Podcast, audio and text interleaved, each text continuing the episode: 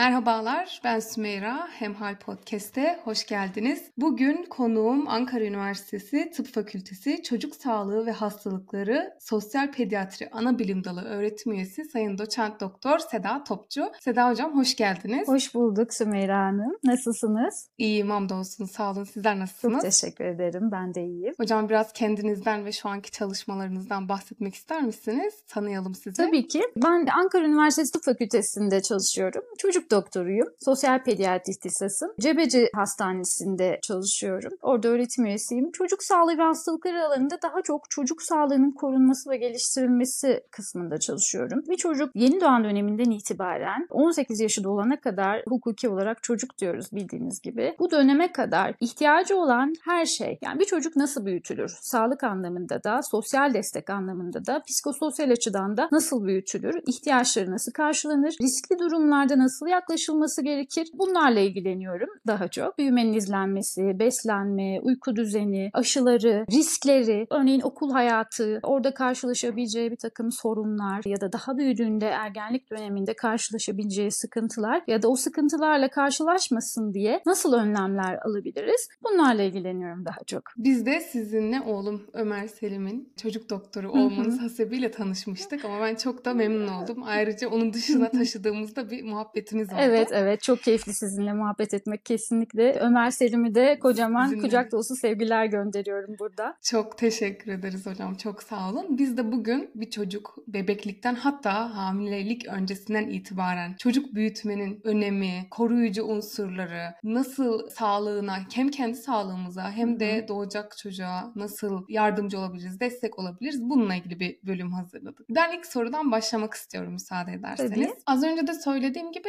çocuk sağlığı doğum öncesinden itibaren düşünülmesi gerekiyor. En azından ben böyle bütüncül bakmayı sevdiğim için bu sorudan başlamak istedim. Bu nedenle hamile kalmayı düşünen bir çift için hamilelik öncesinde nelere dikkat etmek önemlidir? Anne ve baba adaylarının sağlığını hazırlamak için hamileliğe ve hamilelik sonrası bir çocuk bakımına hangi adımlar atılmalıdır sizce? Kesinlikle çok çok doğru bir yaklaşım Sümeyra Hanım. Şimdi sağlığı ele alacak olursak sağlık deyince aslında insanların aklına ilk olarak fiziksel sağlık geliyor ama sağlığın e, bir sac ayağının üç ayağı olduğu gibi fiziksel, ruhsal ve sosyal boyutu var. Zaten Dünya Sağlık Örgütü'nün sağlık tanımında da fiziksel, ruhsal ve sosyal açıdan iyilik hali olarak tanımlanır. Şimdi buradan nereye geleceğim? Bir anne babanın çocuk sahibi olmak isteyen bir anne babanın öncelikle hem fiziksel hem ruhsal hem de sosyal açıdan iyi olması gerekiyor. Şimdi bu iyilik konusu tartışmalı tabii ki. Neye göre iyi diyeceksiniz. Olabileceğinin kendi potansiyelinin en iyisi durumunda olması gerekiyor. Bunun olması için de zaten e, biz hekimler olarak da elimizden geleni yapıyoruz. Şimdi çocuk sahibi olmak çok kolay bir iş değil. Belki de dünyanın en zor işlerinden biridir. Çünkü inanılmaz bir sorumluluk gerektiriyor. Hem dünyanın en güzel şeyi anne babalık hem de sorumluluğu çok fazla. Bu sorumluluğu da hakkıyla yerine getirebiliyor olmak çok çok önemli. Tabii ki hiçbir zaman mükemmel anne baba olma hedefimiz olmuyor. Böyle bir dileğimiz de yok. Yeteri kadar iyi anne babalık bizim için hayatın her aşamasında en önemlisidir. Olabileceğinin en iyisini yaptım. Elimden gelenin en iyisini yaptım diyebiliyorsak o zaman içimiz rahat bir şekilde çocuğumuzu büyütebiliriz. Tabii ki fiziksel sağlık anlamında benim eşim de kadın doğum hekimi bu arada. Gebelik takibinden itibaren aslında bir gebenin sağlığının nasıl izlenmesi gerektiğiyle ilgili kadın doğum hekimleri bizlere destek oluyorlar. Bir takım taramalar, sağlık taramaları yapıyorlar. İşte olası patojenlerden uzak kalınması, işte sigara kullanmayın, çevresel kirleticilerden uzak durun, beslenmenize dikkat edin, fazla kilo almayın gibi gebelere bir takım önerilerde bulunuyorlar. İhtiyacı olan vitamin, mineral desteğini takviye amacıyla kullanıyor gebelik sırasında anneler. Gebe kalmadan önce bir takım bulaşıcı hastalıklara karşı korunaklı mı acaba, aşılı mı? Örneğin kızamıkçık, konjenital rubella sendromu dediğimiz beyin hasarıyla sonuçlanan ve bebeği anne karnındaki bebeği etkileyen önemli bir bulaşıcı hastalık var. Bu nedenle örneğin ülkemizde de genişletilmiş bağışıklama programı kapsamında bu kızamıkçık aşısı tüm gebelere daha öncesinde yapılmış oluyor zaten ya da bu hastalığı geçirerek bağışıklık kazanmış mı diye gebelik öncesinde test ediliyor bu. Önemli adımlardan bir tanesi olduğunu düşünüyorum. Taramalardan bir tanesi olduğunu düşünüyorum. Bunun dışında gebe kadının şeker, tansiyon açısından ya da diğer kronik hastalıklar açısından da izlenmesi e, eğer böyle bir durumla karşı karşıyaysa ona müdahale edilmesi örneğin diyabet ise diyabetin kontrol altında tutulması bebeğin sağlığı açısından çok büyük önem taşıyor. Çalışıyor. Bunların dışında fiziksel sağlık dışında ruhsal olarak da bir anne babanın hazır olması çok çok önemli. Anne baba kendisi iyi olacak, ilişkileri iyi olacak ki bir çocuğu sağlıklı bir şekilde dünyaya getirsinler ve onu mutlu bir aile ortamı içerisinde büyütebilsinler. Eğer kendileriyle ilgili ya da ilişkileriyle ilgili bir problem var ise bu da o çocuğun aslında günahına girmek oluyor bence. Çünkü hani huzursuz, mutsuz, problemli, çatışmalı bir ortamda o çocuğu büyütmek o çocuğa haksızlık olduğunu düşünüyorum. Böyle problemlerin de çözülmüş olması gerekli oluyor. Sosyal destek çok önemli. Aile büyüklerinden, çevreden, eş dosttan sosyal desteğinin iyi olması çok çok önemli. Örneğin çalışan bir anne olduğunda iş hayatında gebeliğiyle ilgili karşılaşabileceği zorluklar karşısında sağduyulu olunması, o gebeliğin stressiz geçirilebilmesi açısından çok çok önemli. Çünkü gebeliğinde psikososyal stres yaşayan annelerin de bebekleriyle ilgili bir takım olumsuzluklar olabileceğini biliyoruz, öngörüyoruz. Ayrıca anne babaların bir bebek dünyaya gelmeden önce neyle karşılaşacaklarını önceden biliyor olmaları, hangi çocuk doktoruyla takibe devam edecekler ya da hemen doğumdan sonra bilmeleri gereken, yapmaları gereken neler var? Bunlar konusunda danışmanlık almaları da çok çok önemli. Çünkü hiç bilmeden işte gebeliğin son trimestlerinde bir takım bebek için öyle heyecanlı bekleyiş, hazırlıklar yapılıyor. İşte odası düzenleniyor. Gerekli gereksiz bir sürü ihtiyaçları alınıyor. Ya da gerekli olanlar bazen alınmayıp farklı anlamda şeylerle karşılaşabiliyoruz. Ya da doğduktan sonra başımıza neler gelebilir? Acil durumlarda neler yapmamız gerekir? Yani bir risk durumu analizi yapıp kriz durumunda nasıl adımlar atmaları gerektiğini önceden planlamış olmaları önem taşıyor bence. Hocam çok güzel noktalara değindiniz daha ilk aşamada. ben de onların altını çizmek isterim Tabii. müsaade ederseniz. Mesela yeteri kadar iyi ebeveynlikten bahsettiniz. Bizim podcast'te diğer bölümlerde daha önce çok vurgu yaptığımız bir noktaydı. Yani çok kaygıya düşmeden, endişeye düşmeden ama elinden gelenin en iyisini yaparak Hı. sonrasında bırakarak yani her şeyi kontrol edemeyeceğimizin bilincinde olarak bir anne babalık Kesinlikle. tarzını, dengesini belirlemek gerekiyor sanırım. Ayrıca çevresel, psikososyal faktörlerden bahsettiniz. Bunların da insanı etkileyebileceği. Dolayısıyla buradan da şöyle bir çağrıda bulunabiliriz. Yakınında anne baba olacak kimse varsa insanların yani onlara o çevresel rahatlığı, o kaygısız ortamı, o desteği sunmak gerekiyor. Yani dışarıdan insan, Hı hı. çevreden insanlar olarak da bizleri. Sadece o anne babanın bir görevi değil. Her zaman e, söylenir siz de bilirsiniz. Bir çocuğu bir köy, bir mahalle büyütür Kesinlikle. derler. Yani bu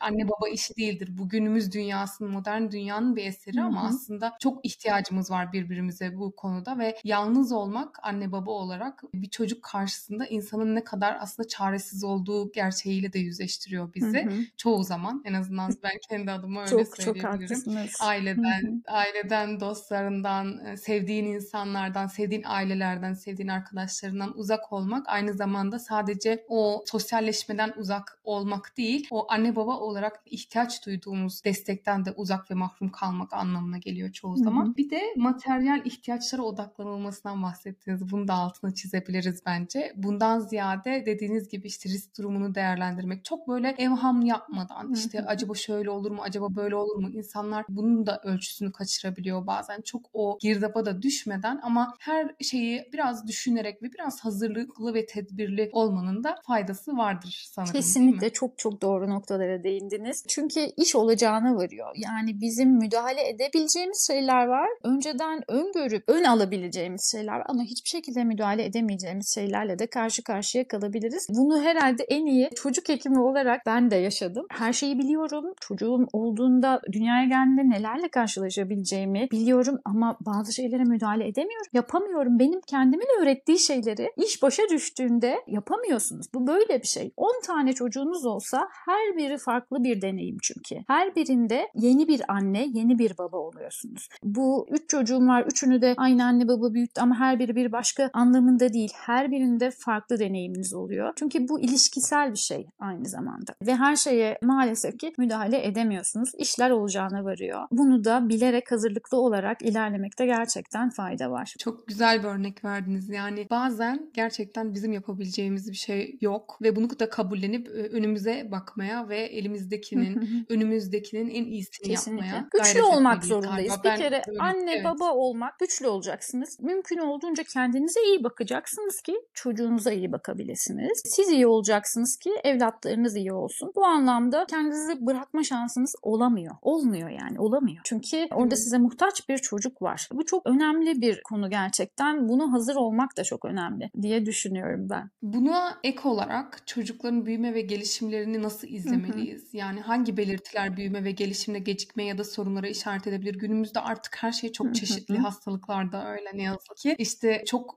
çocuğa, birçok çocuğa yani benim çevremde de işte otizm teşhisi tanısı konuluyor. Bazıları yelpazenin içinde deniyor. Bazısı doğrudan kesinlikle %100 otizm deniyor. Bazıları oyun terapisiyle işte farklı terapilerle özel eğitimle iyileşebilir deniyor ya da düzelebilir deniyor.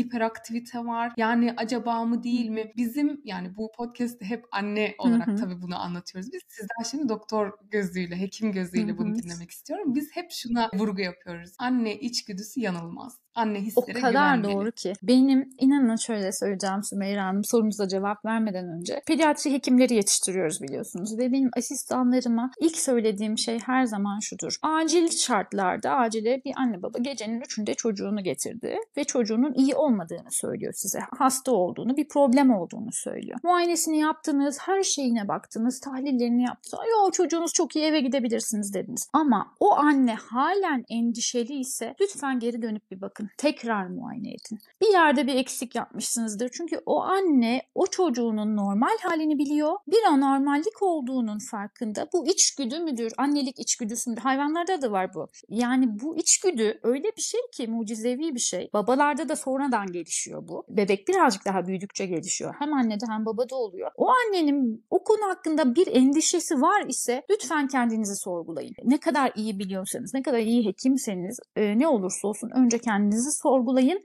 Çünkü atladığınız bir yer olabilir diye asistanlarıma da hep bunu söylerim. Ve genelde anne babalar haklı çıkarlar. Tabii aşırı evham, aşırı kaygı o ayrı bir mevzu ama onu annenin bakışlarından hissedersiniz siz. Bu çok önemli bir nokta gerçekten.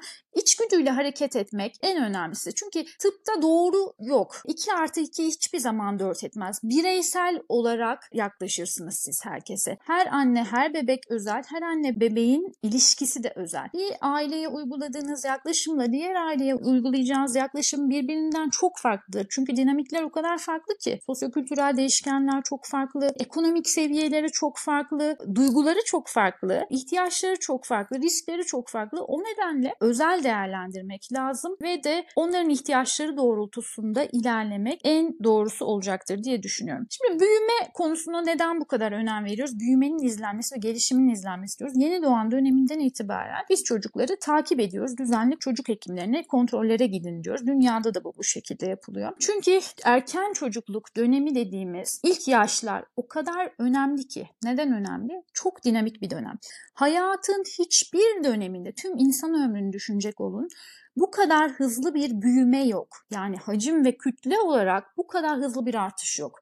Yaklaşık 3 kilogram ağırlığında doğan bir bebek 1 yaşına geldiğinde doğum ağırlığının 3 katına çıkıyor. Bakar mısınız? 10 kilo oluyor. 3 kat boyut artmış, hızlı bir büyüme var. Gelişimsel olarak da yani fonksiyon kazanma olarak da. Örneğin bir aylık, iki aylık bir bebek yatağa koyduğunuzda sağdan sola bile dönemez. Yaklaşık dördüncü ay civarında sağdan sola dönmeye başlar bebekler. Bu bebek bakıyorsunuz ki bir yaşına gelmiş, yürümeye başlamış koşmaya başlamış sonra ne kadar önemli bir fonksiyon kazanma. Agugugu derken kelimeler, cümleler kuruyor ve sizinle konuşmaya başlıyor. Ne kadar hızlı bir bilişsel gelişim. Yani nöronal gelişim de o kadar hızlı oluyor ki bu hayatın ilk iki yılında. O yüzden hayatın en önemli dönemi ilk iki yaştır. Kritik pencere dönemi deriz. Bu kadar hızlı bir büyüme ve gelişmenin olduğu dönemde, bu kadar labilitenin olduğu dönemde dış etkenlerden de çocuklar çok kolay etkilenirler. Olumlu ya da olumsuz. Yani bir çevre çevresel kirleticiden örneğin hava kirliliğinden diyelim ki bir çocuğun etkilenme durumuyla bir yetişkinin etkilenme durumu çok farklıdır. Çocuk çok daha fazla etkilenir ya da bir psikososyal stresten çocuk çok daha fazla etkilenir. Olumlu olarak da pozitif taraftan beslerseniz de o çocuğa öyle bir yatırım yaparsınız ki örneğin anne sütüyle beslenmeye gireceğim birazdan. Emzirdiğinizde anne sütü verdiğinizde sizin o çocuğa o çocuğun 40-50 yıl sonrasına yatırım yapmış olursunuz. Bu kadar da kıymetlidir. O nedenle daha taşların yerine oturmadığı yani stabilize olmamış bu dinamik dönemdeki her şey o kadar hassas ele alınmalı ki yakın izlemle biz bir problem olmadan önce onu tespit edip öngörüp o problemin olmasını önlemeye çalışırız. Bunun bir takım işte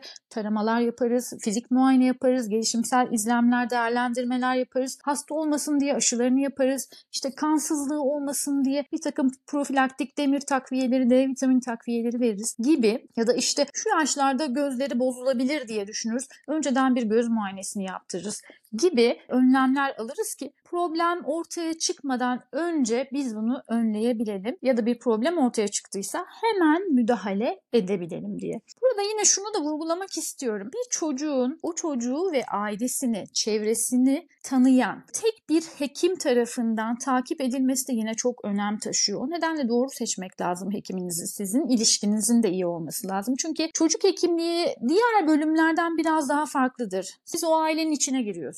Onların her şeyini biliyorsunuz. Disklerini biliyorsunuz, pozitif yanlarını biliyorsunuz, güçlü yanlarını geliştirmeye çalışıyorsunuz. O çocuğu aslında birlikte büyütüyorsunuz. Siz düzenli takip ettiğiniz bir çocuğu, benim bu çocuğumun işte alerjiye yatkınlığı var, astım hata geçirebilir diye önceden plan yapabiliyorsunuz. Ya da işte herhangi bir akut hastalığında olası faktörler hemen aklınıza geliyor ve hemen müdahale edebiliyorsunuz. O nedenle o ailenin içinde oluyor aslında çocuk hekimi ve birlikte büyütmek çok çok önem taşıyor. Takipleri bir ay bir doktora, bir ay bir doktora, bir ay bir doktora giderseniz işleriniz çok büyük olasılıkla rast gitmeyecektir. Her bir şeyi tekrar baştan, yeni baştan anlatmanız gerekecektir. Çünkü çocukluk dönemi erişkinlik gibi değil, bambaşka bir dönem. Erişkinlerin minyatürü değiller çocuklar. Çok farklı bir dönem bunu vurgulamak istedim. Gelişimin izlenmesiyle ilgili ise bir takım taramalar yapıyoruz. Yeni doğan döneminden itibaren bilişsel gelişim, dil gelişimi, fonksiyonel anlamda nasıl ilerliyor? Bunların normali nedir? Anormali nedir? Normalden nasıl ayırt edebilirim? Tabii bunları da ailelerin de bilmesi gerekiyor ki bir problem mi var acaba?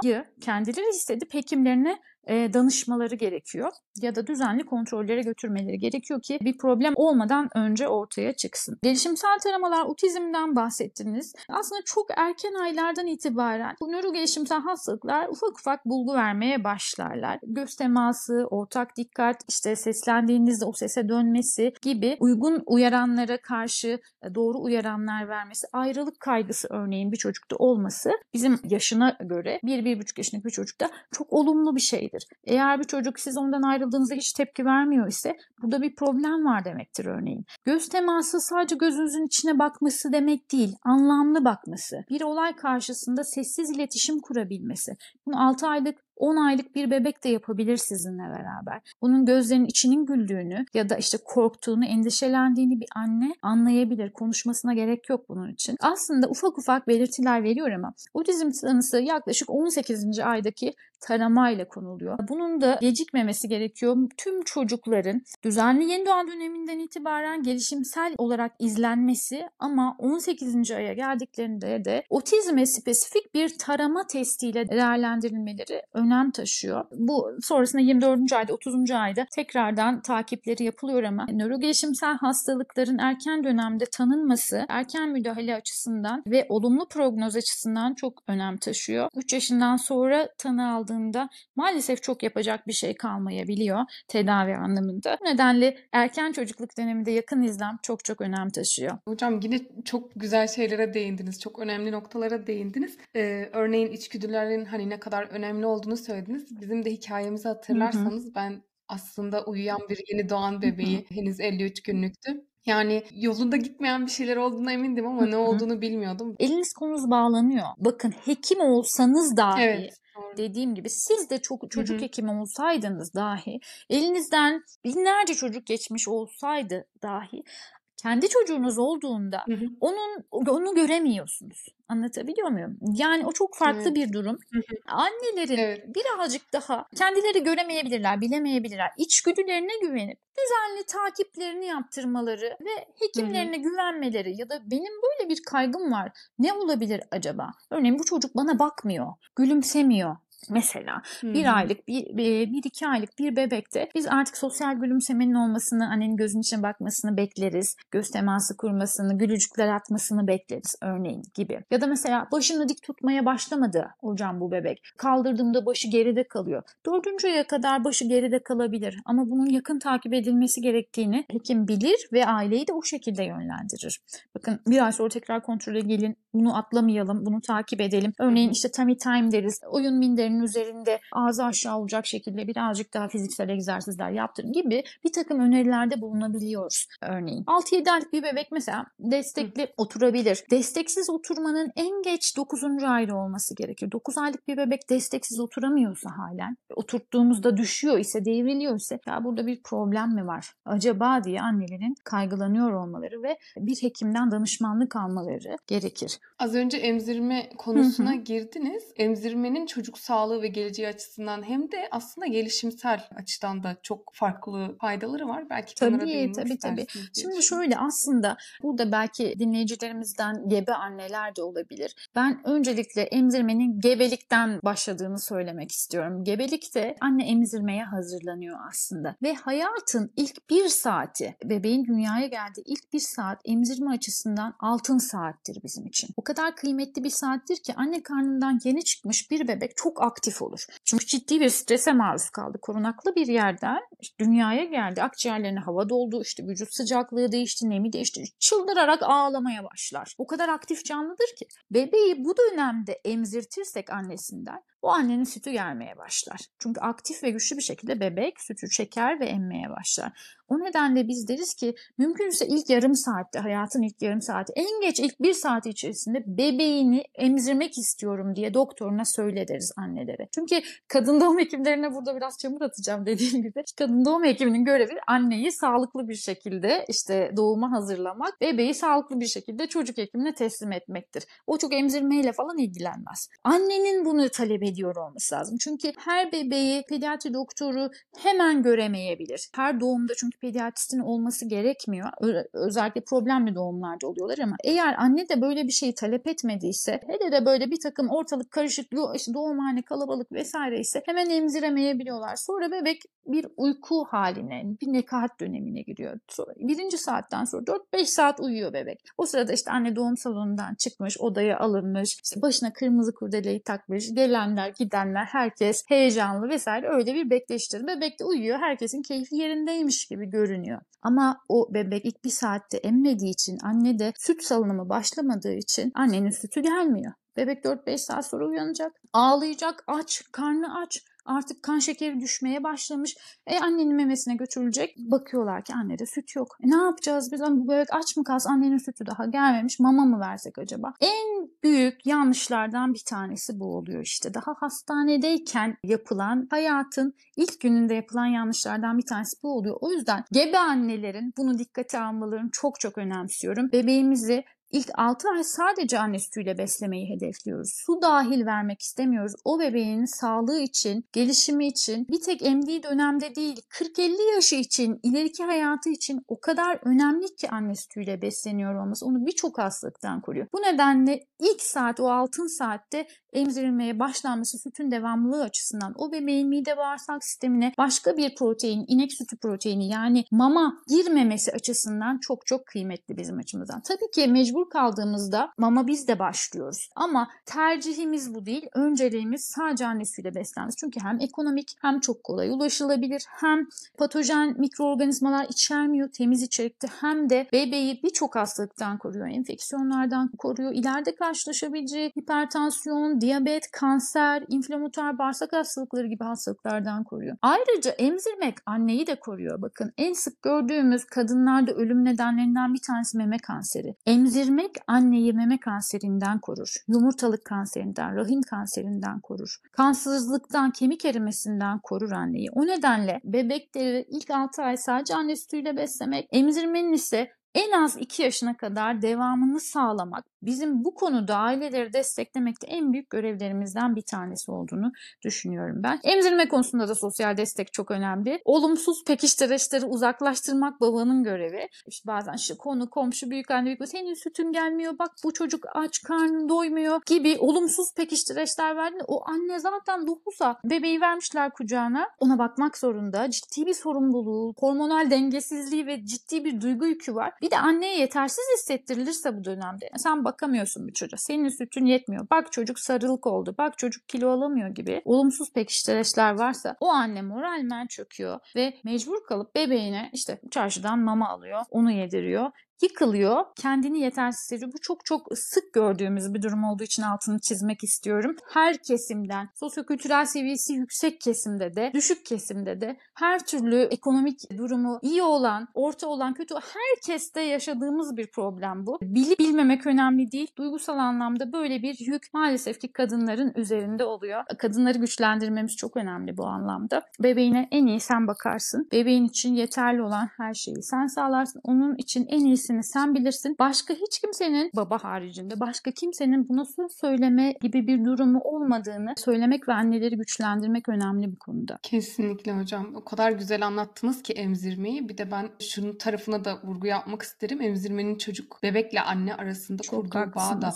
Çok farklı, çok temel bir bağ kuruyor orada ve çok e, süreklilik sağlayan bir şey. O dönemi de Kesinlikle. kaçırmamak lazım. O 6 ay, o hı. 2 sene bitecek sonuçta bir yerden sonra ve özleniyor. Ben kendi adıma öyle söyleyeyim. Ben hep doğum ve emzirme hikayelerim hep çok güzeldir. Hep onu kaçırmamak lazım. Tadını Evet evet ve emzirmenin olmaması için hiçbir neden yok. Burada şimdi emziremeyen anneler çok üzülüyorlar biz böyle söylemlerimiz olduğunda. Ben emziremedim bebeğimi, ben çok mu kötüyüm yeter, benim bebeğimle aramda bir bağ oluşamadı diye. Asla öyle de bir şey yok. E, Her anne bebeğini her zaman çok sever. Ama şunu da unutmamak gerekir. Sağlıklı bir anne ve sağlıklı bir bebek var ise o annenin bebeğini emzirememesi için hiçbir neden yoktur. Bakın sağlıklıdan kastım şu. Anne kanser hastasıdır, kemoterapi alıyordur, bebeğini emziremez. Biz deriz hekimler olarak emzirmeyeceksin bebeğin diye söyleriz. Anlatabiliyor muyum? Onun dışında herkes bebeğini emzirebilir. Sadece uygun bir danışmanlık almamıştır. Uygun bir destek almamıştır. İşler yolunda gitmediyse. Bunu vurgulamak isterim. Bir sonraki bebeğinde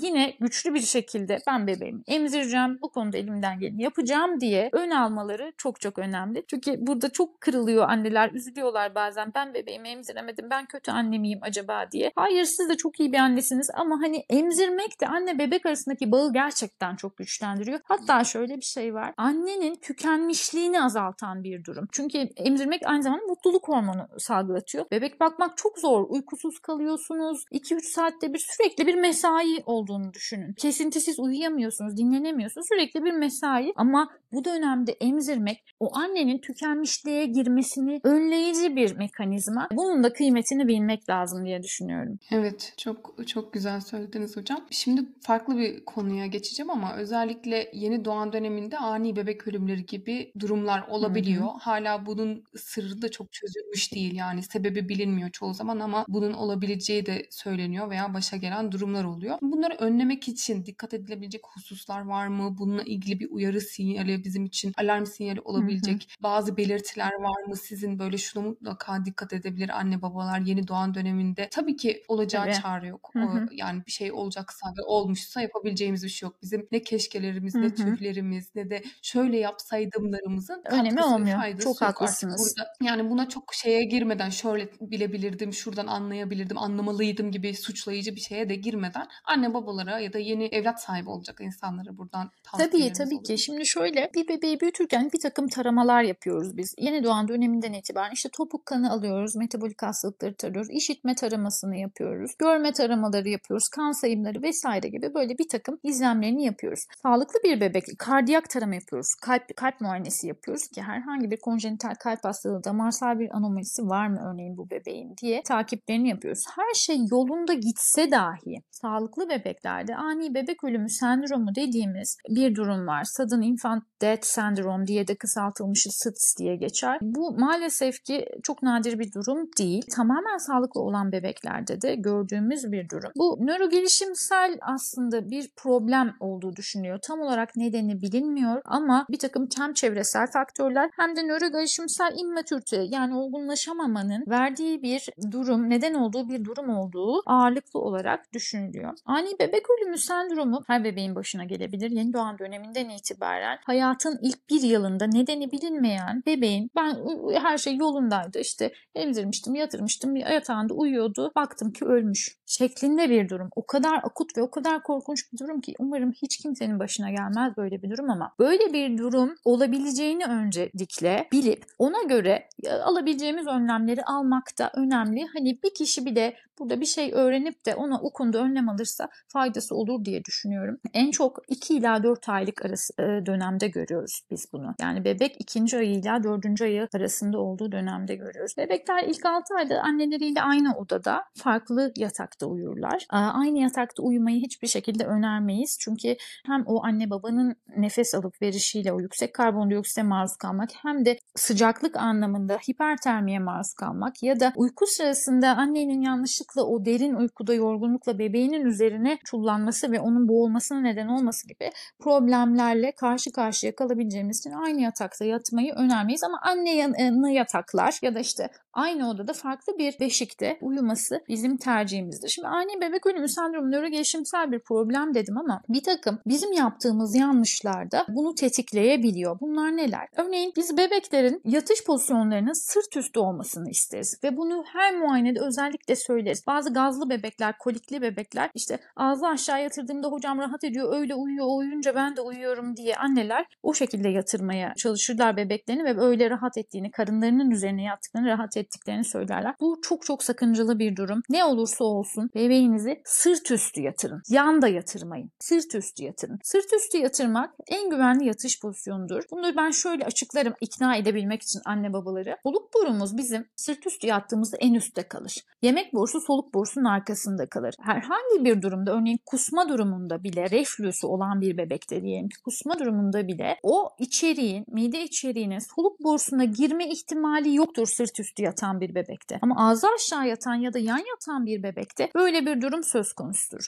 Ayrıca ağzı aşağı yatan bir bebek ağzıyla o yatak arasında çok kısa bir mesafe kalıyor ve yüksek karbondioksite yani soluk alıp verişiyle ilgili yüksek karbondioksite maruz kalıyor. Bu şekilde solunumunu kontrol edemeyebiliyor. Dolayısıyla kardiyak açıdan da problemli hale geliyor durum. Aniden solunumu ve kalbi duruyor, fonksiyonları duruyor ve bebek ölebiliyor. Ağzı aşağı yatan bebeklerde bu önemli bir problem. Yastık kullanımını ilk 2 yaş önermeyiz. Bebeklerin yarı ortopedik, serte yakın bir zeminde yastıksız yatmaları omurga sağlıkları açısından da çok önemli. Boyunlarının böyle bükülmesini istemeyiz. Düz bir zemin üzerinde yatmaları sağlık açısından çok çok önemli. Bazen özellikle böyle soğuk iklimlerde yaşayan aileler işte yün yatak yapalım, ne bileyim kuzu yününden işte bir beşik yapalım. Baby nest deniliyor. Şimdi daha modern yerlerde de baby nestler var. Yumuşacık böyle içine gömülüyor bebek. Öyle bir yatak çok güvensiz. Ve ani bebek ölümü sendromu açısından risk taşıyor. Tekrar söylüyorum bebeklerin serte yakın yarı ortopedik düz bir zeminde yatmaları önemli. Reflü yatakları adı altında satılan yataklar da var. Hiçbir anlamı yok. Reflü yatağı reflüyü önlemez. Boş yere para vermiş olursunuz reflü yatağı alaraktan. Hele de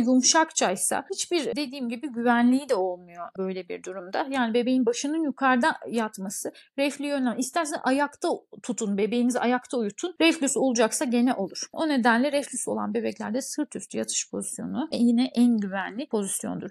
Bir diğer önleyebileceğimiz durum sigara. Gebeliğinde sigara içen anneler ya da emzirme sırasında sigara içen anneler ya da evde herhangi bir kişi sigara içiyor ise çünkü bebekle aynı odada olması gerekmiyor bu olayı. Dışarıda içip gelmişse bile sigaranın solunum yollarıyla atılımı yaklaşık 5 saat sürüyor. Mesela babası hocam sigara içiyor ama evin içinde asla içmez. Dışarıda içiyor geliyor. Ee, geldiğinde de işte elini yüzünü yıkıyor, dişlerini fırçalıyor, üstünü değiştiriyor falan bebeği öyle alıyor. Olsun. Onun solunumuyla 4-5 saat o sigaranın içeriğindeki olumsuz materyaller havaya karışıyor ve bebeğe maalesef ki olumsuz etki ediyor. Evde sigara içen birisi var ise bakın yanında demiyorum. Yanında zaten hiç kimse bebeğin yanında sigara içmez. Evde sigara içen dışarıda bile olmuş. Sigara içen birisi var ise bu bebekte ani bebek ölümü sendromu için bir risk faktörü oluyor maalesef ki. Çok evham da yapmamak lazım. Hani ben birazcık korkuttum ama bunu önlem alınabilecek durumlarda hani biz elimizden geleni yapalım da kendimiz bebeğimizi aslında bebeğimiz için bebeğimizi koruyabilelim diye anlattığım şeyler bunlar. Bebekle aynı odada ilk 6 ay yattığımızda zaten biz bebeğimizin soluk alıp verişini gık dese duyuyor anneler. Öyle uyuyorlar. Anneler öyledir yani. Hani bebek agu gugu demeye başladığında duyarlar zaten. En ufak bir soluk seslerini dinlerler uyusalar bile. Bebeği 2-3 saatte bir her istediğinde emziriyor olmak da onu ani bebek ölüm sendromundan koruyan bir faktör. Bu nedenle çok da kaygılanmaya gerek yok. Bebeğinizin karnını doyurun, sırt üstü yatırın, düzenli sağlık takiplerini yaptırın ve sigara içilmesini önleyin. Yatağın içerisinde onun boğulmasına neden olabilecek işte peluş battaniyeler, ne bileyim bazen işte uyku arkadaşı adı altında oyuncaklar konulabiliyor, dönenceler konulabiliyor. Bunlar bebeğin boğulmasına ya da yüzünün kapanmasına o karbondioksitin onu tekrar temas etmesine neden olabilecek şeyler oluyor. Bunlardan da kaçınılması gerekiyor. Bebeklere battaniye yorgan örtmeye de gerek yok. Bir uyku tulumu soğuksa eğer ortam giydirilebilir. Çünkü battaniyelerin ya da e, lastiksiz çarşafların o yataktan çıkıp bebeğe dolanması ve onun boğulmasına neden olabilmesi söz konusu olabiliyor. Bu, bu takım güvenlik önlemlerini almak en doğrusu diye düşünüyorum. Çok güzel toparladınız hocam. O yüzden hemen bir Tabii sonraki ki. soruya geçeceğim ben. Şimdi Almanya'daki uygulamayı söyleyeyim. Almanya'da her tarama için bir aylık taraması, iki aylık, üç aylık sanırım. Sonra 6 ay, 1 yaş, pardon 8 ay, 1 yaş olması gerekiyor. Sonra işte okul yaşına kadar özellikle 6 yaşına kadar bu böyle devam ediyor. Her seferinde evinize bir mektup geliyor. Bununla ilgili sağlık Hı hı. dairesinden sanırım. Ve siz o mektupla doktora gidiyorsunuz. Doktor onu imzalıyor ya doğrudan e, sigortaya, sağlık sigortasına ve o kuruma bildiriyor. İşte bu aile sağlık taramasını yaptırmıştır. Ya da siz o mektubu kendiniz bizzat gönderiyorsunuz. Bu çok böyle birbirini denetim de çok olan bir uygulama. Güzel bir noktaya değindiniz. Şimdi Türkiye'de sağlık sistemi aslında çok çok iyi. Ben Avrupa'daki birçok ülkeden daha iyi olduğunu düşünüyorum. Hem sağlık sistemine ulaşım anlamında herkesin eşit bir şekilde ulaşabilmesi anlamında da çok güzel bir adım. Hem de takiplerin özellikle bebek ve çocuk takiplerinin, gebe takipleri de yine aynı şekilde çok ehemmiyet veriliyor. Çok düzenli yapıldığını hepimiz biliyoruz. Şimdi burada tabii ki aile hekimlerine çok büyük görev düşüyor. Aile hekimlerinin yükü çok büyük ve burada bebeklerin düzenli takiplerini primer yapacak kişiler aslında onlar. Doğumdan itibaren işte topuk kanı alındı mı, işitme taraması yapıldı mı, kalça muayenesi yapıldı mı gibi bir takım taramaları bildirmek durumundalar. Sağlık Bakanlığı'nda bildiriyorlar bunları sisteme giriyorlar ya da işte aşıları yapıldı mı, birinci ay aşısı, ikinci ay aşısı, dördüncü ay aşısı gibi ve bu kontrollere geldi mi eğer aile hekimine gelmediyse örneğin başka bir doktora gitti, hastaneye gitti, özel bir doktora gitti ya da o sırada o şehirde bulunmuyordu, başka bir şehirdeydi. Oradaki doktora gittiğini de sistem üzerinden görebiliyor aile hekimleri. Bu izlem çok yakından yapılıyor. Üstelik ücretsiz bir şekilde yapılabiliyor. Ama ben burada yine dinleyicilerimize şunu söylemek istiyorum. Bazen yoğunluktan dolayı bazı şeyler atlanabiliyor. Çünkü aile hekimlerinin bir tek görevi yeni doğan takibi ya da çocuk takibi değil, yaşlı takibi yapıyorlar, psikososyal destek vesaire evde bakım birçok işlemlerle uğraşıyorlar ve yoğunluktan dolayı muayeneleri atlanabiliyor. Yani sizi kontrole gelmeniz lazım. İkinci ay aşıları var bebeğinizin ya da işte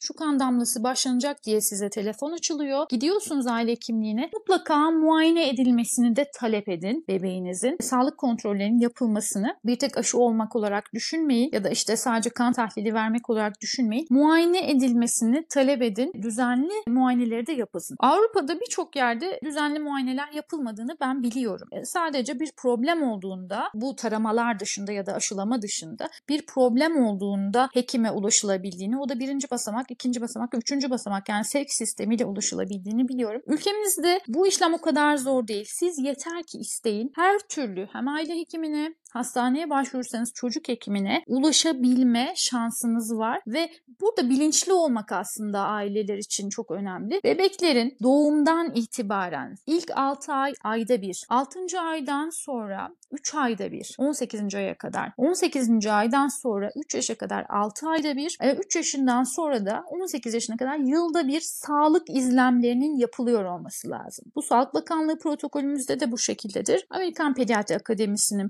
rehberlerinde de bu şekildedir. Birçok farklı ülkenin rehberlerinde, Dünya Sağlık Örgütü'nün rehberlerinde de bu şekildedir. Şimdi bu ne demek? Bebeğimiz hastayken götürmeyin bir tek hastaneye ya da hekime. Sağlıklıyken de götürün takiplerini yaptırın, kontrollerini yaptırın. Böyle bir imkanınız var. Hiç kimse size niye geldin, senin çocuğun hasta değil, niye geldin demez, diyemez. Ben çocuğumun sağlık kontrollerini yaptırmak istiyorum. Büyümesini, gelişimini, işte yapmam gereken bir şey var mı, almam gereken bir önlem var mı, vitamin, mineral kullanmam gerekiyor mu ya da herhangi bir tarama yaptırmam gerekiyor mu? Bunları sormanız, rehberlik hizmeti almanız da çok büyük önem taşıyor. Lütfen bunun bilincinde olun ve bunu hekiminizden isteyin. Önemli bir nokta olduğunu düşünüyorum bunu. Taramalar bir tek yeni doğan dönemiyle bitmiyor çünkü okul öncesi yaş grubunda görme taramaları, işitme taramaları, diş muayeneleri, aileler gitmiyor diye bakanlık okullarda diş taraması yap. O kadar ileri. O nedenle sağlık sistemine ulaşımda bir problem yok. Okul çocuklarına gidiyorlar tek tek hepsinin dişlerine bakıyorlar. Gerekli olanları vernik florür uygulaması yapıyor ücretsiz bir şekilde Sağlık Bakanlığı. Bunlar çok önemli noktalar. Ya da işte aşısız çocukları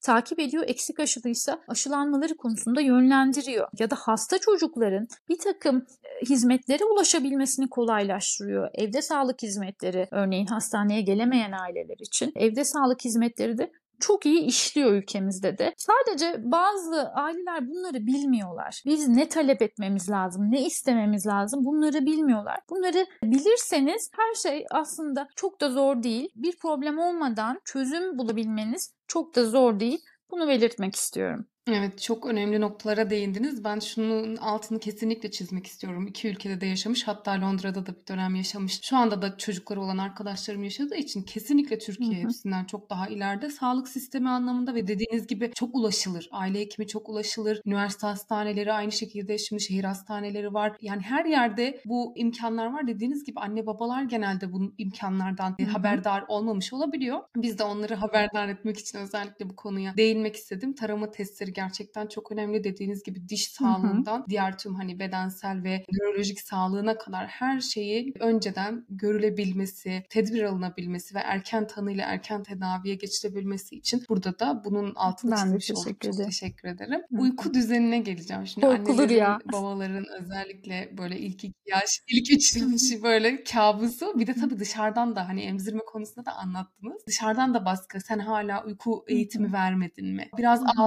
Uyur. Şimdi bu baskılar da çok Hı fazla. Hani ben toplumumuzda az çok Hı tanıdığım için ya da kendimden de bildiğim için diyeyim. Bu uyku düzeni oluşturma nasıl olur? Doğal, Hı hı. bence doğal olmalı. Uyku eğitimi Hı denen hı. şey sıkıntılı bir şey diye düşünüyorum kişisel fikrim.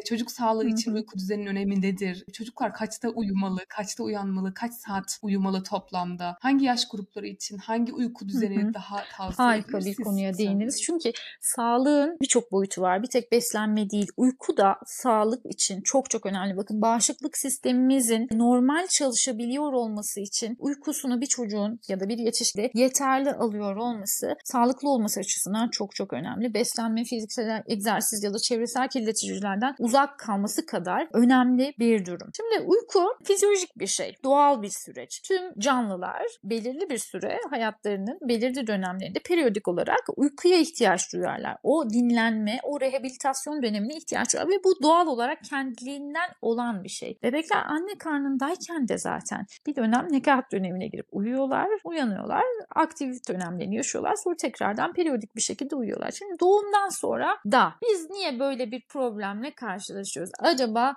Niye 10 tane çocuğu olan Ayşe teyzenin çocukları güzel güzel uyurken benim çocuğum niye hiç uyumuyor diye bir problemle karşılaşıyoruz. Bütün problem aslında neyi nasıl algıladığınızla ilişkili. Şimdi önce doğruyu bir bilmek lazım. Yeni doğan bir bebek ne kadar uykuya ihtiyacı var, ne sıklıkla uyanmalı, hayatta kalabilmesi için ne yapması lazım bunu biliyor olmak lazım. Şimdi yeni doğan bir bebeğin hayatta kalabilmesi için sık besleniyor olması lazım. İşte anne sütü emiyor olması lazım. O yüzden kesintisiz böyle bir 10-12 saat uyuyamaz bir yetişkin gibi. 2-3 saatte bir uyanır, emer, hem duygusal ihtiyacını karşılar hem besin ihtiyacını karşılar. Annesiyle ten tene temas kurar. O güvenli ortam oluşur onun için sonra tekrar uyur. 2-3 saatte bir böyle bir döngü içerisindedir. Şimdi bu biz erişkinler için uyku düzenimizi bozan bir olaymış gibi görünüyor. Çünkü ben akşam işte atıyorum gece 10'da 11 yatıp 7-8 saat uyumaya alışmışım şimdiye kadar. Burada bir problem mi var acaba? Hayır hiçbir problem yok. O bebeğin düzeni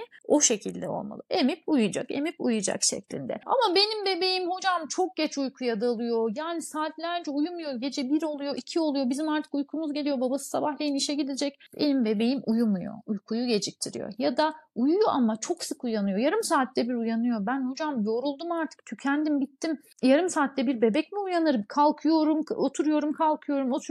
Sakinleştirmeye çalışıyorum. Ya da bir uyanıyor, saatlerce ağlıyor. 2-3 saat salona dolaşıyorum, mutfağa gidiyorum. Gecenin 3'ü komşular ayağa kalkıyor, bas bas bağırıyor, ağlıyor bu bebek. Uyumuyor, uyutamıyorum ondan sonra. Ben bunu uyutmak için farklı farklı hocam yöntemler deniyorum. İşte ayağımda sallıyorum, bilmem ne yapıyorum, uyku arkadaşı buluyorum falan. Olmuyor bu bebek. Ben mutsuzum bu durumda diye anneler bize gelebiliyorlar. Şimdi burada öncelikle normal fizyolojiyi anlatmak lazım. Hayatın ilk 3 ayında bebekler tıpkı anne karınlarındaki uyku düzenini sergilerler. Gece gündüz ayrımı yoktur bebeklerin ve uykunun bir takım evreleri var. REM, non-REM evreleri gibi. Aynen o anne karnındakinin aynısı gibidir. Biz o yüzden hayatın ilk 3 ayına 4. trimester deriz. Gebelik 3 trimesterden oluşur. 4. trimester. Keşke o dönemi de anne karnında geçirseymiş de bebekler rahat ederdik biz de. Çünkü o dönem bebekler gerçekten çok savunmasızlar. Kan şekerleri hemen düşer, vücut sıcaklıklarını kontrol edemezler. Sürekli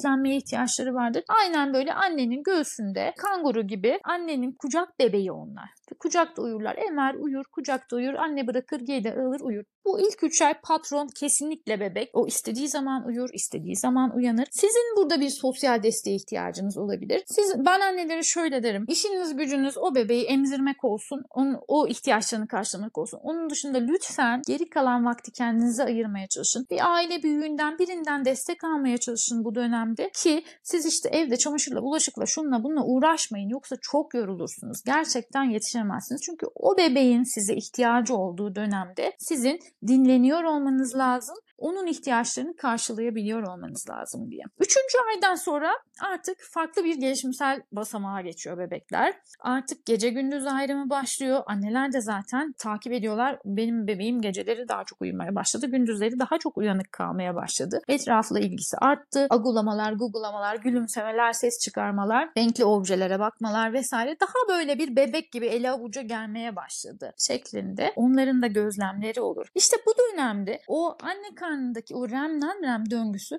artık biz yetişkinlerin uyku düzenine dönmeye başlar. Bu dönemde bebeğin uykusuna bir düzen vermek. Ben asla bunu uyku eğitimi demeyi sevmiyorum. Uykunun eğitimi falan olmaz çünkü bu normal fizyolojik bir döngüdür. Uykusuna düzen oluşturmasına yardımcı olmak gerekir. Aslında siz her şeyi kendi haline bıraksanız o düzen kendiliğinden oluşacak. Peki biz neden problem yaşıyoruz? Neden bizim bebeklerimiz böyle uyumuyorlar, sık uyanıyorlar filan? Çünkü biz o bebekleri sürekli uyutmaya çalışıyoruz. Karnını doyurdum, uyusun ben azıcık dinleneyim. İşte azıcık sallayayım uyusun. Sürekli uyut, uykusu yokken bile uyutmaya çalıştığımız için o normal fizyolojiden biz çıkarıyoruz. Aslında bebeklerin uykularını biz bozuyoruz. Biz kendi haline bıraksak, biraz daha rahat olsak, sosyal anlamda da dışarıdan destek alabilir biliyor isek eğer ki kendimizi daha güçlü hissederiz böyle bir durumda çünkü. O zaman bebekler kaygısız olduğumuzda bebeklerin uyku düzeni kendiliğinden oluşuyor. Sadece 3.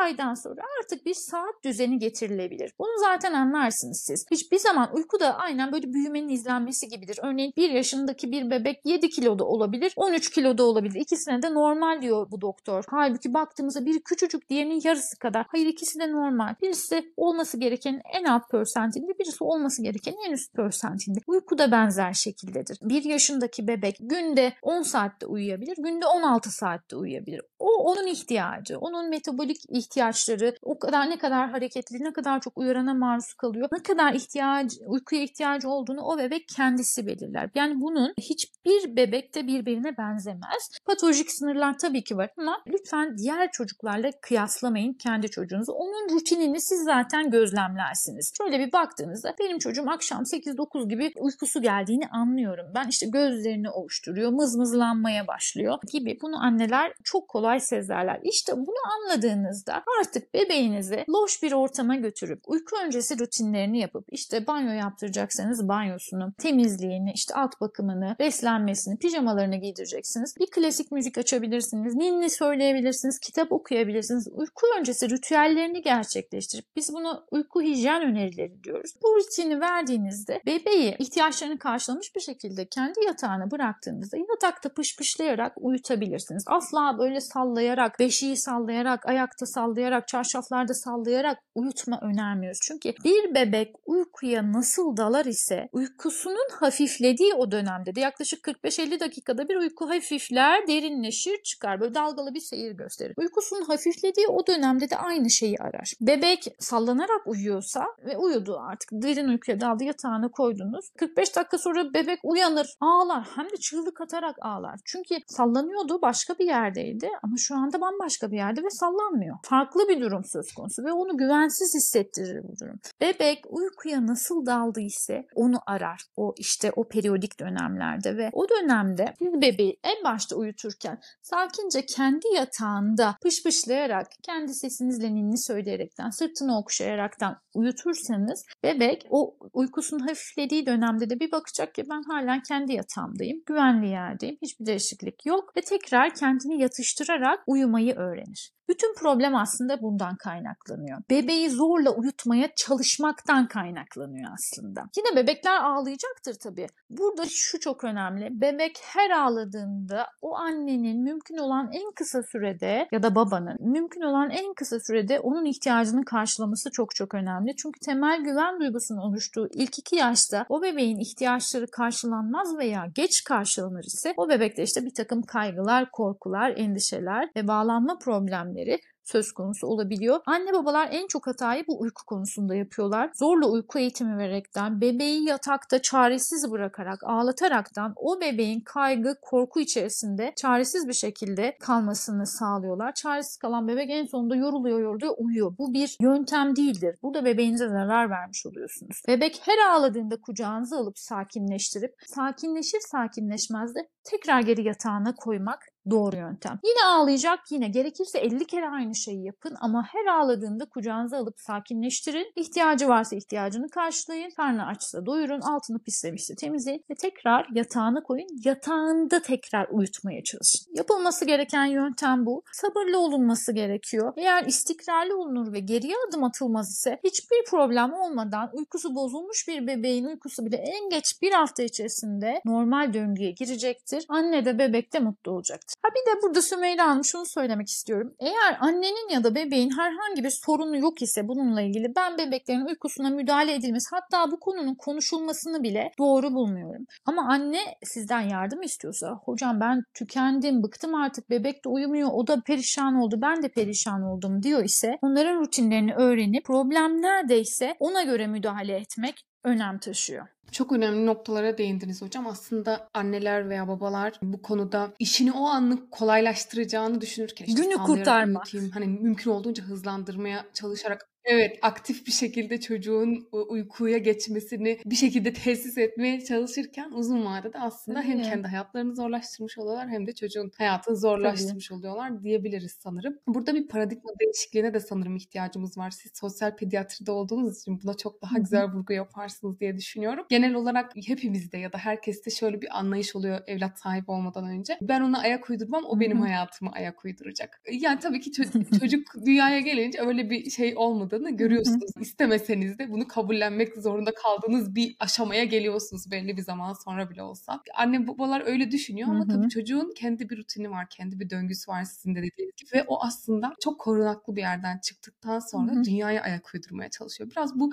paradigmayı bu yöne çevirip bizim tabii Türk kadınları olarak da ne yazık ki toplumun Hı hı. bizden beklentisi çok, ailelerin, geniş ailenin beklentisi çok, eşlerin beklentileri çok, hı. işte başka evlat varsa onların da zaten Evet, ihtiyaçları evet. çok. Çok işimiz var dünya ile ilgili. E, o çocuk daha bir an önce bir düzen otursun da Modunda. ben de işime bakayım düşüncesiyle bakıyoruz çocuklara evet. Halbuki hiç öyle değil. Çok da bir de aslında tadı çıkarılması gereken bir dönem. O dönem o Hı hı. kadar hızlı geçiyor, o kadar hızlı büyüyorlar ki ilk cümlelerinizde siz buna değindiniz. Yani hayatın hiçbir döneminde olmadığı kadar, olmadığı bir boyutta çok kısa sürede bir büyümeyi gözlemliyoruz, buna şahit oluyoruz. Dolayısıyla tadı çıkarılması gereken, sakin sakin, kendim için de söylüyorum bu arada, annelik yapılması gereken bir dönemde biz böyle her şeyi aceleye Çok getiriyoruz. önemli bir nokta. Çocuk büyütürken annelerin şöyle bir içinden derin nefes alıp bir durup bakmaları gerekiyor. Ben ne yapıyorum? Ben ne yapıyorum? Neyin koşturmacası içerisindeyim? Çocuğum için en iyi şeyi düşünüyor olabilirim ama zarar veriyorum böyle yaparaktan. Bunu düşünüyor olmaları lazım. Şimdi daha çok böyle eğitim seviyesi arttıkça anneler aslında daha iyi ebeveynlik yapamıyorlar biliyor musunuz Sümeyra Hanım? Yani her şeyin en iyisini yapacağım, en mükemmelini yapacağım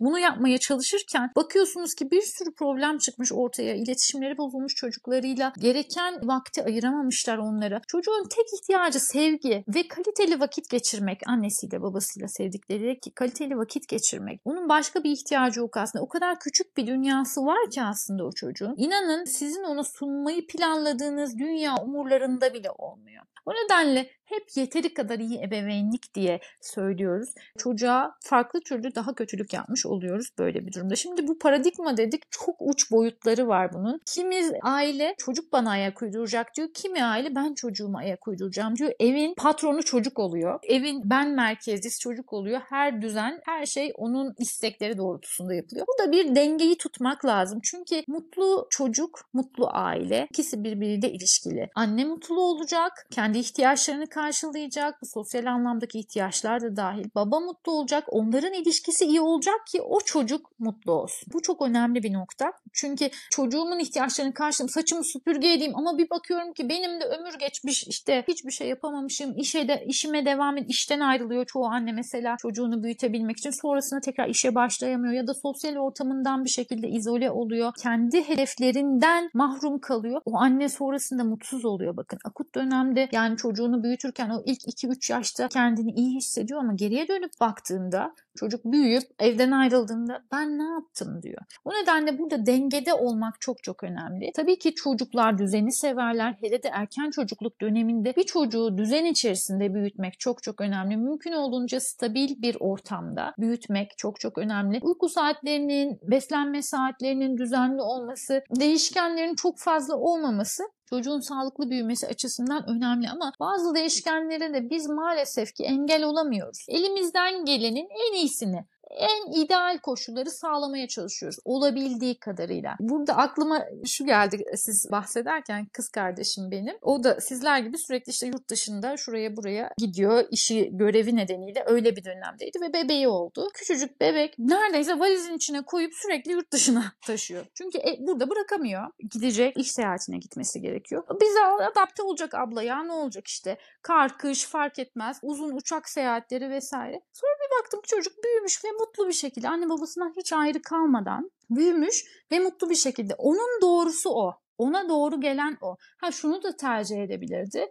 Ben çocuk dünyaya getirdim ve ben işimi bırakacağım. Böyle bir koşturmanın içerisinde çocuk büyütülmez, ona zarar vermiş olur, çalışmayacağım deyip çocuğuna da bakabilirdi ama bu sefer kendisi mutsuz olurdu ve ideallerinden vazgeçmiş olurdu. Çocuk ona adapte oldu böyle bir durumda ve çocuk da mutlu. Yani şunu söylemeye çalışıyorum. Her ailenin kendi doğrusu var. Her ailenin kendi doğrusu onların iyi hissetmesini sağlayan çocuğunun ve annenin babanın bakın üçünün birden iyi olmasını sağlayacak mutlaka uygun bir orta yol vardır. Bu doğrultuda hareket edilmesi gerekli. Dediğim gibi benim için doğru olan sizin için doğru olmayabilir ya da başkası için doğru olmayabilir. Önemli olan mutlu aile, mutlu çocuklar. Ve koşulları dikkate alarak herkesin koşulları çok farklı. Benim Kesinlikle. anlattığım benim doğrum. Sizin de dediğiniz gibi başkası Kesinlikle. için yanlış da olabilir. Bu da bir gerçek. O yüzden Kesinlikle. her tavsiyede her duruma uygun değildir. Ben özellikle annelik noktasında tecrübelerden çok istifade ettim çevremdeki anne baba olmuş öncesinde kimselerden. Ama yine de benim koşullarım daha öncelikliydi ve onlara uygun çözümler üretmem gerekti. O hocam daha güncel bir konuya geleceğim. Sizin de Türkiye'de sanırım durum şu an böyle. Herkes böyle bir hastalıktan bahsediyor. Sürekli bir salgın var. Sanki böyle Covid döneminden sonra daha da böyle arttı. İşte her hafta benim şimdi abim de burada yaşıyor. Onlar Almanya'da. Bir hafta bir yeğenim hasta, öbür hafta öbürü, sonra Döngü. anne. Hep böyle bir evet, bitmez evet. bir döngüdeler. Evet ve bir türlü sağlıklı bir dönem yok yani. Hani hep bir birbirlerine bulaştırarak hatta bugün esprisi yapıldı. ee, acaba ayırsak mı bunları hani beraber mi yaşamasalar falan dedi abi. Nedir hocam bu bunun şeyi nedir ve hastalıklardan bunlardan korunmanın yöntemleri var mı? Şimdi biz bazı şeyleri de ihmal ediyoruz. Hareketsizlik kendi adıma konuşuyorum. İşte hareketsizlik çok vardı hayatımda. Hemen bu hafta spora başladım. Buradan da başlamak isteyenlere belki ilham olur diye söylemiş olayım. İşte beslenmede çok fazla şekere yükleniyoruz. Katkı maddeleri çok fazla paketli gıdalar. Yani evet. bini bir para etrafta her yerde. Hatta bunlar birer ödül olarak çocuklara özellikle sunuluyor. Bunun da sıkıntılı bir tarafı var. Siz çok önemli bir nokta. Önce bir bulaşıcı hastalıklara geleyim. Gerçekten çok fazla Covid'den sonra özellikle yani Covid'den sonra kapanmanın olduğu dönemin sonrasında böyle bir durumla karşı karşıya kaldık. Şimdi Covid olmadan önce de benim ailelere önerim şu şekildeydi hep. Siz çocuğunuzu fanus içerisinde büyütemezsiniz. İşte ben 6 yaşı dolana kadar evden dışarı çıkarmayayım, kimseyle temas etmesi dolayısıyla hiç hasta da olmayacaktır bir çocuk değil mi? Ama fanus içinde büyüttüğünüzde onun bağışıklık sistemi gelişmemiş oluyor aslında. Mikroorganizmalarla tanışmamış ve reaksiyon veremez halde oluyor. Şimdi biz Covid döneminde tam anlamıyla bunu yaşadık. İşte iki yıl kadar herkes evlere hapsoldu, çocuklar okula gidemediler. Tüm dünyada bu bu şekildeydi. Ebeveynleriyle işte anneanne dedeleriyle bile görüşemediler. Kapalı ortamlarda sadece çekirdek aileleriyle beraber bulunmaları gerekti. İşte sokağa çıkma yasakları. Bunlar hastalığın yayılmasını, işte ölümleri önlemek adına atılması gereken aslında küresel önlemlerdi. Yapılması gereken şeylerdi ama bir takım böyle sorunlara da yol açabileceğini bizler öngörüyorduk aslında. Şimdi bu 2-3 yıl boyunca çocuklar mikroplarla haşır neşir olmadıkları için bağışıklık sistemleri şöyle bir yayıldılar. Bir uyku haline geçtiler. Mikroorganizmalarda hastalık oluşturamadıkları için onlar da kendilerini farklı yönde güçlendirdiler. Birdenbire artık normal düzene geçildi. Hastalığın işte aşılardan sonra ölümcüllüğü azaldı. Eskisi gibi kötü seyretmiyor her yer. Hastaneler tıkanmıyor vesaire. Artık çocukların okula gitmesi ya da insanların sosyal ortamlarda birbiriyle görüşmesi gerektiğini hepimiz tüm bilim insanları dünya olarak hemfikir oldu bu konuda ve sizin bahsettiğiniz durumla karşı karşıya kaldık. Çok beklediğimiz bir şeydi bu durum. Hem bağışıklık sistemleri şöyle bir afalladı uyuyorlardı onlar inlerine çekilmiş o bizim bağışıklık hücrelerimiz. Mikroplarla karşılaşınca nasıl başa çıkabileceklerini bilemediler. Mikroorganizmalar daha güçlenmiş bir şekilde karşımıza geldi ve bir hastalık bitmeden diğeri, bir hastalık bitmeden diğeri karşımıza çıktı. Şimdi biz mikroplarla yaşamayı öğrenmek durumundayız. Bu şimdi de böyle, 100 yıl öncesinde de böyleydi. Mikroorganizmalar dünyada bizden çok daha fazla sayıdalar ve bize bizim aslında hayatta kalabilmemizin de bir nedeni aslında çok da kötü gözle bak bakmamak lazım ona. Ben hep şöyle söylerim. Bugün yine bir öğretim üyesi arkadaşımın çocuğu rahatsızlanmış. Beni aradılar. Hocam hasta işte şöyle de böyle. Boş ver boş ver. İyi iyi dedim. Hasta olsun böyle. Ufak ufak hastalıklar geçirsin ki savaşarak o kendi bağışıklık sistemi savaşarak güçlenmeyi öğrensin. Dolayısıyla ağır hastalıkla karşılaştığında bununla başa çıkabilmeyi öğren. Boş ver ya grip olsun. Önemli olan hani hastaneye yatıp ağır duruma gelmemesi. O nedenle mesela maske takma konusunda da çocuklar işte ortalığa salı verildiğinde artık yeter maske takmayın. Ufak ufak hastalanın dedim ben hep kendi çocuklarım için de. Ufak ufak hastalanın ki bununla başa çıkabilirsiniz. Çok korunaklı olunduğu için biz böyle bir durumla karşılaştık. Tabii ki geçici bir durum. Ama hani özellikle kronik hastalığı olan çocuklar işte nörolojik hastalığı, kalp hastalığı, astım hastası olan çocukların da tabii ki çok ağır seyredebiliyor. Basit bir grip onlarda çok daha ağır zatürrelere neden olabiliyor. Bu çocukların özellikle işte grip aşısı, pneumokok aşısı gibi o hastalıkların koruyucu aşılarıyla aşılanmaları her sezon grip aşısı yaptırmaları mesela önem taşıyor. Bunu vurgulamak isterim. Şimdi grip sezonu bitmek üzere. Önümüzdeki yıl Eylül-Ekim aylarında özellikle risk grubu, kreşe giden çocuklar, okula giden çocukların grip aşısıyla aşılanmaları önemli. Ömer Selim'e de ben tavsiyede bulunmuştum. Siz gitmeden Almanya'ya. De aşılanmaları önem taşıyor ağır hastalanmasınlar diye. Bu bir nokta. Buna çok yapacak bir şey yok. Yani o zinciri kırmaya çalışmayın. Yeter ki ağır bir hastalık oluşmasın. Boş verin hastalansınlar ufak ufak geçirsinler bunları. Bu dönem geçici bir dönem. Sadece çok işte yaşlılardan hani onları riske atmayalım diye biraz onları koruyalım. Önemli olan nokta bu diye düşünüyorum. Sağlıklı beslenmek hayatın her döneminde önemli ama erken çocukluk döneminde okul öncesi yaş grubunda çok çok daha önemli. Paketli gıdalar, hazır gıdalar, şeker, rafine şeker bunlar bizim için çok büyük tehdit. Önleyebileceğimiz bir şey aslında bu. Yani birçok hastalığın temelini oluşturuyor. Özellikle Avrupa'da, Amerika'da biliyorsunuz obezite ve obeziteye bağlı olarak işte metabolik sendrom, tansiyon tansiyon, kalp hastalığı gibi problemlerle başa çıkmaya çalışıyorlar. Bizim ülkemizde de yine benzer şekilde sağlıklı beslenme ve her gün egzersiz yapılması özellikle çocukluk dönemi için çok çok önemli. Bu çocukların koşuyor, oynuyor olmaları lazım.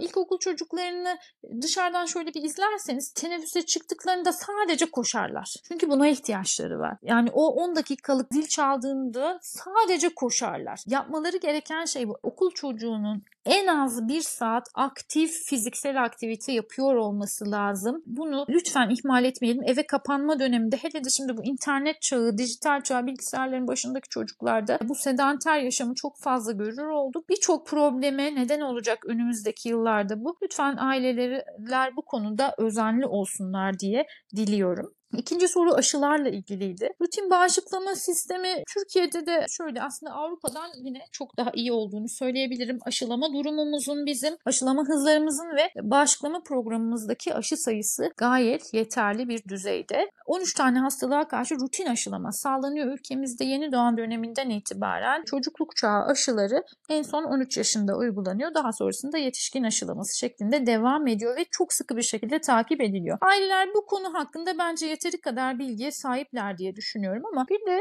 rutin dışı aşılar var. Özel aşı diyoruz biz bunlara. Aslında ülkemizde ruhsatlı, dünyada ruhsatlı bulunan aşılar ama Sağlık Bakanlığı'nın ödeme kapsamına girmeyen aşılar. Şimdi tabii bu aşıların bakanlığın ödeme kapsamına girip girmemesi bir takım işin maliyet etkinlik analizleri doğrultusunda Dünya Sağlık Örgütü diyor ki bize sen işte senin ülkende şu hastalığa karşı bir riskli durum var. Şöyle bir salgınla karşı karşıyasın ya da senin ülkendeki çocuklar şu hastalıktan ölme riski yüksek. Sen lütfen şu aşıyı rutin sistemine sok diye öneride bulunuyor bize. Ve biz bunlar doğrultusunda yani bir takım sağlık politikaları doğrultusunda aslında bağışıklama danışma kurulu tartışıyor ve maliyet etkinlik analizlerini de yaparaktan rutin bağışıklama sistemini sokuyor bu aşıları. Olmayan aşılardan en birincisi rotavirüs aşısı. Avrupa'da birçok ülkede rutin program içerisinde bu rotavirüs aşısı ishal yapan bir mikrop. Genellikle öldürmez ama süründürür tabiri caizse. Böyle 10 günlerce 15 gün boyunca çocuk kusar, su gibi ishal yapar. Okula giden bir çocuksa okuldan mahrum kalır. Hastaneye yatması gerekir, serum alması gerekir. Ağır bir ishal tablosuna yol açıyor ve erken bebeklik döneminde aşılandığında çok %100 değil ama çok büyük oranda bu mikroba karşı korunuyor çocuklar. İkinci ve dördüncü aylarda rotavirüs aşısı imkanı olan aileleri yaptırmasını öneriyoruz biz. Diğer bir rutin dışı aşı menenjit aşıları. Menenjit böyle rotavirüs gibi salgınlara neden olan çok sık gördüğümüz bir mikrop değil ama olursa da çok öldürücü bir mikrop. Yani çok nadir oluyor ama eğer o çocuğun başına gelirse de ölme riski ya da beyin hasarı oluşma riski maalesef ki çok yüksek. Bu nedenle önemli bir aşı. Bunu da erken bebeklik döneminden itibaren, ikinci aydan itibaren menenjit aşılarını ailelerin yaptırmasını tavsiye ediyoruz biz. Diğer bir aşı grip aşısı az önce bahsettiğim gibi mevsimsel grip aşısı 6 aydan itibaren risk, özellikle risk grubuna her sezon aşılanması önerimiz dahilinde olan bir aşı. Diğer özel aşı Human papillomavirüs aşısı dediğimiz HPV aşısı özellikle genital kanserlerden, kadınlarda rahim ağzı kanserinden koruyan bir aşı bu. Kanser aşısı olarak da piyasaya sürmüş bir aşı. Bildiğimiz gibi ülkemizde kadınlardaki ölümlerde en sık neden rahim ağzı kanseri. Erkeklerde de yine genital kanserleri neden oluyor ve bulaşmayı sağlayabiliyor. 9 yaşından itibaren çocuklara önerdiğimiz bir aşı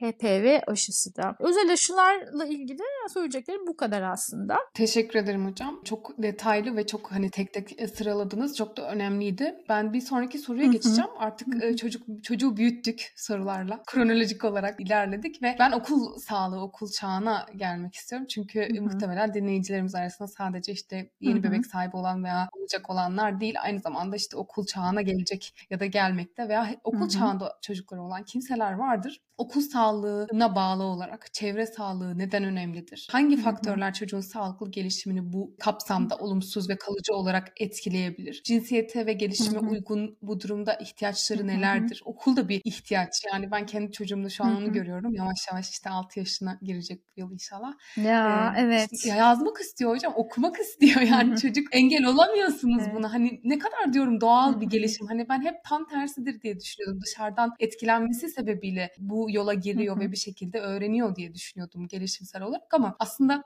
tam tersi kendi hayat yolculuğunda yaşına uygun olarak bu bir ihtiyaçmış da. Tabii ki çevresel bir faktör var. Bir hani örneklik var önünde. işte anne baba yazıyor, çiziyor. Bunun şeyi vardır ama gene de hani çocuğun bir şey Evet, evet. üretmeyle ilgili de sanki böyle bir derdi oluyor gibi Şimdi çok önemli gerçekten çünkü biliyor artık Ömer Selim de. Okumayı öğrenecek ki neler oluyor bitiyor haberdar olabilsin. Yazmayı öğrenecek ki kendini ifade edebilsin. Bu dediğiniz gibi bir ihtiyaç aslında. Şimdi eğitim çocuklar için çok çok önemli. En önemlisi düzen sağlıyor bakın. Bu akranlarıyla bir arada olmasını sağlıyor ve bir düzen, akademik başarı dışında farklı bir düzen sağlıyor. Bir rutin oluşturuyor. Çocuklar rutini sever, düzeni sever. Her, tüm hayatları boyunca severler ve sağlıklı büyümeleri ve gelişmeleri için çok gerekli eğitim hayatı. Eğitimlerini mümkün olduğunca elimizden geldiği kadar desteklemek de gerçekten onların geleceğine en büyük yatırım olduğunu düşünüyorum ben. Okul sağlığı kapsamında fiziksel sağlık anlamında rutin programlar var. Örneğin görme taraması gibi okula başlamadan önce mesela tüm çocuklara bir göz muayenesini yaptırın ki çocuk farkına varamayabilir, tahtayı görecek mi, okuyabilecek mi, o ders başarısını düşürebilir. Önemli taramalardan bir tanesi. Yine okul sağlığı kapsamında sağlıklı beslenme, fiziksel egzersiz, okul programları dahilinde çocuğun güçlü yanlarını fark edip o yanda desteklemek de çok önemli. O yüzden seçtiğimiz okul da önem taşıyor. Örneğin benim çocuğum çok matematikten anlamıyor diyelim ki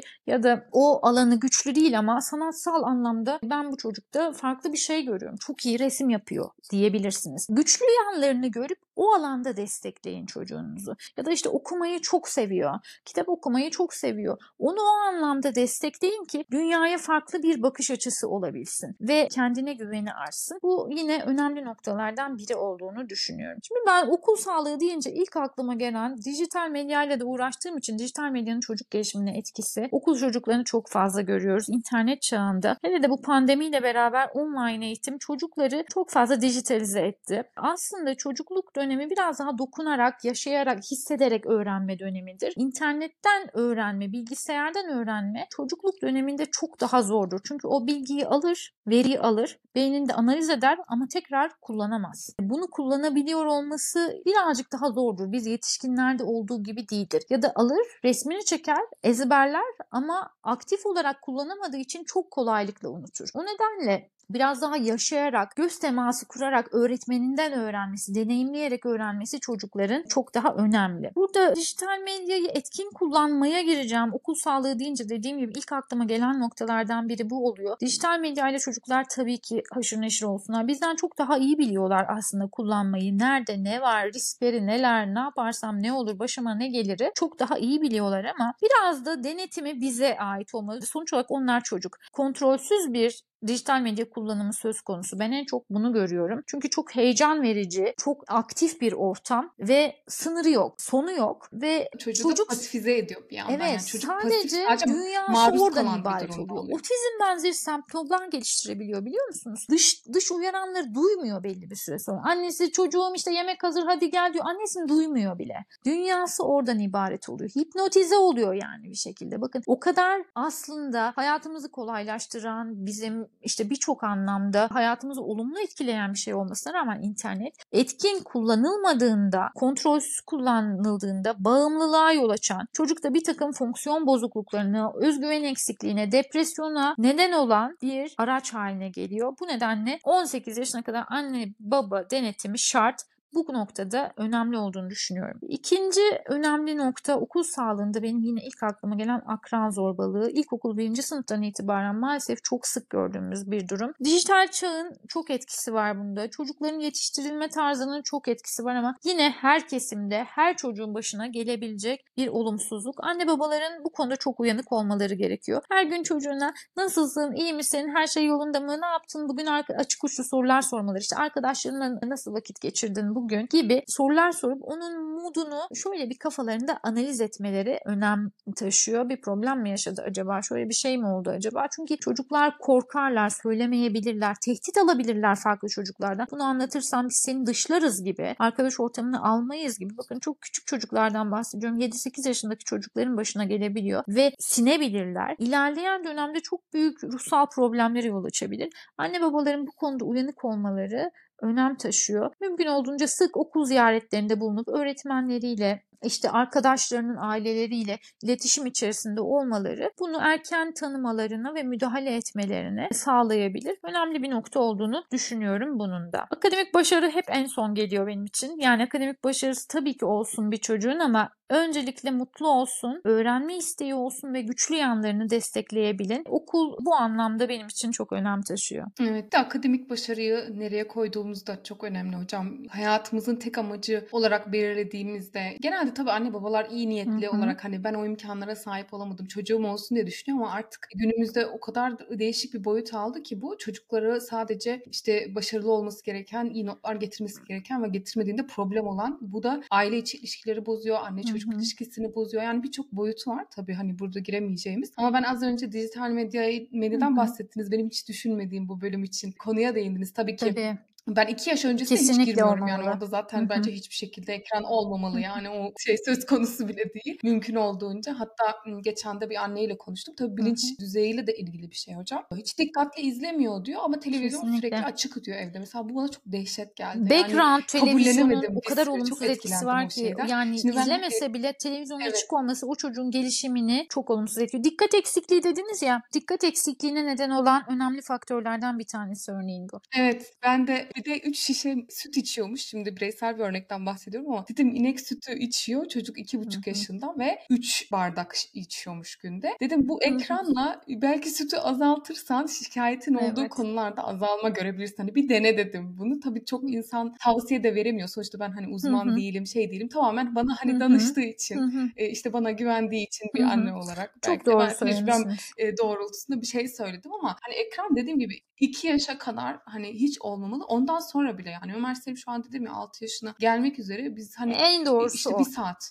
Hı hı. maksimum işte hani on bir de ara vererek Evet çünkü Tabii. görüyorsunuz hani biz kendimizde bile fark ediyoruzdur. Ne kadar çok maruz kalırsanız o kadar beyin Hayatı bulan- kaçırıyorsunuz. bulanıklığı yaşıyorsunuz. O Tabii. kadar dikkat dağınıklığı yaşıyoruz. Bu çocuklar için de aynı ölçüde geçerli. Bir de bir kitap tavsiyesinde bulunayım. Bu kapsamda 30 milyon kelimeyi okuyorum. Hı Çok da bağlantılı bir şey oldu. Çocuğun hı. beyin gelişimiyle ilgili Dana Zuskind'in e, kitabı. Orada şundan bahsetti hocam. Dijital şeye maruz kalmaktan bahsettiniz ya. Bebeklere Mandarin dilinde, ana dili Mandarin olan yani Çince'nin bir lehçesi oluyor. En çok konuşulan lehçesi. Anne tarafından bir gruba maruz bırakıyorlar. Hı hı. Diğer gruba da video ve ses kayıtlarıyla maruz bırakıyorlar. Annesi hı. tarafından sevgiyle, işte iletişim yoluyla, gerçek bir iletişim yoluyla maruz kalan bebekler anlamaya başlıyor, tepki vermeye başlıyor. hı. Diğer çocuklar aynı süre ve aynı derinlikte Kesinlikle. maruz kaldıkları halde hiçbir şey öğrenmiyorlar. Kesinlikle. Bu bile İlk iki yaşta çok dijital medyadan öğrenme diye bir şey asla söz konusu olamazlar. Çünkü çocukların beyin gelişimi için uygun değil bir kere. Onlar 3 boyutludan 2 boyutluya, 2 boyutludan 3 boyutluya Evet. geçişi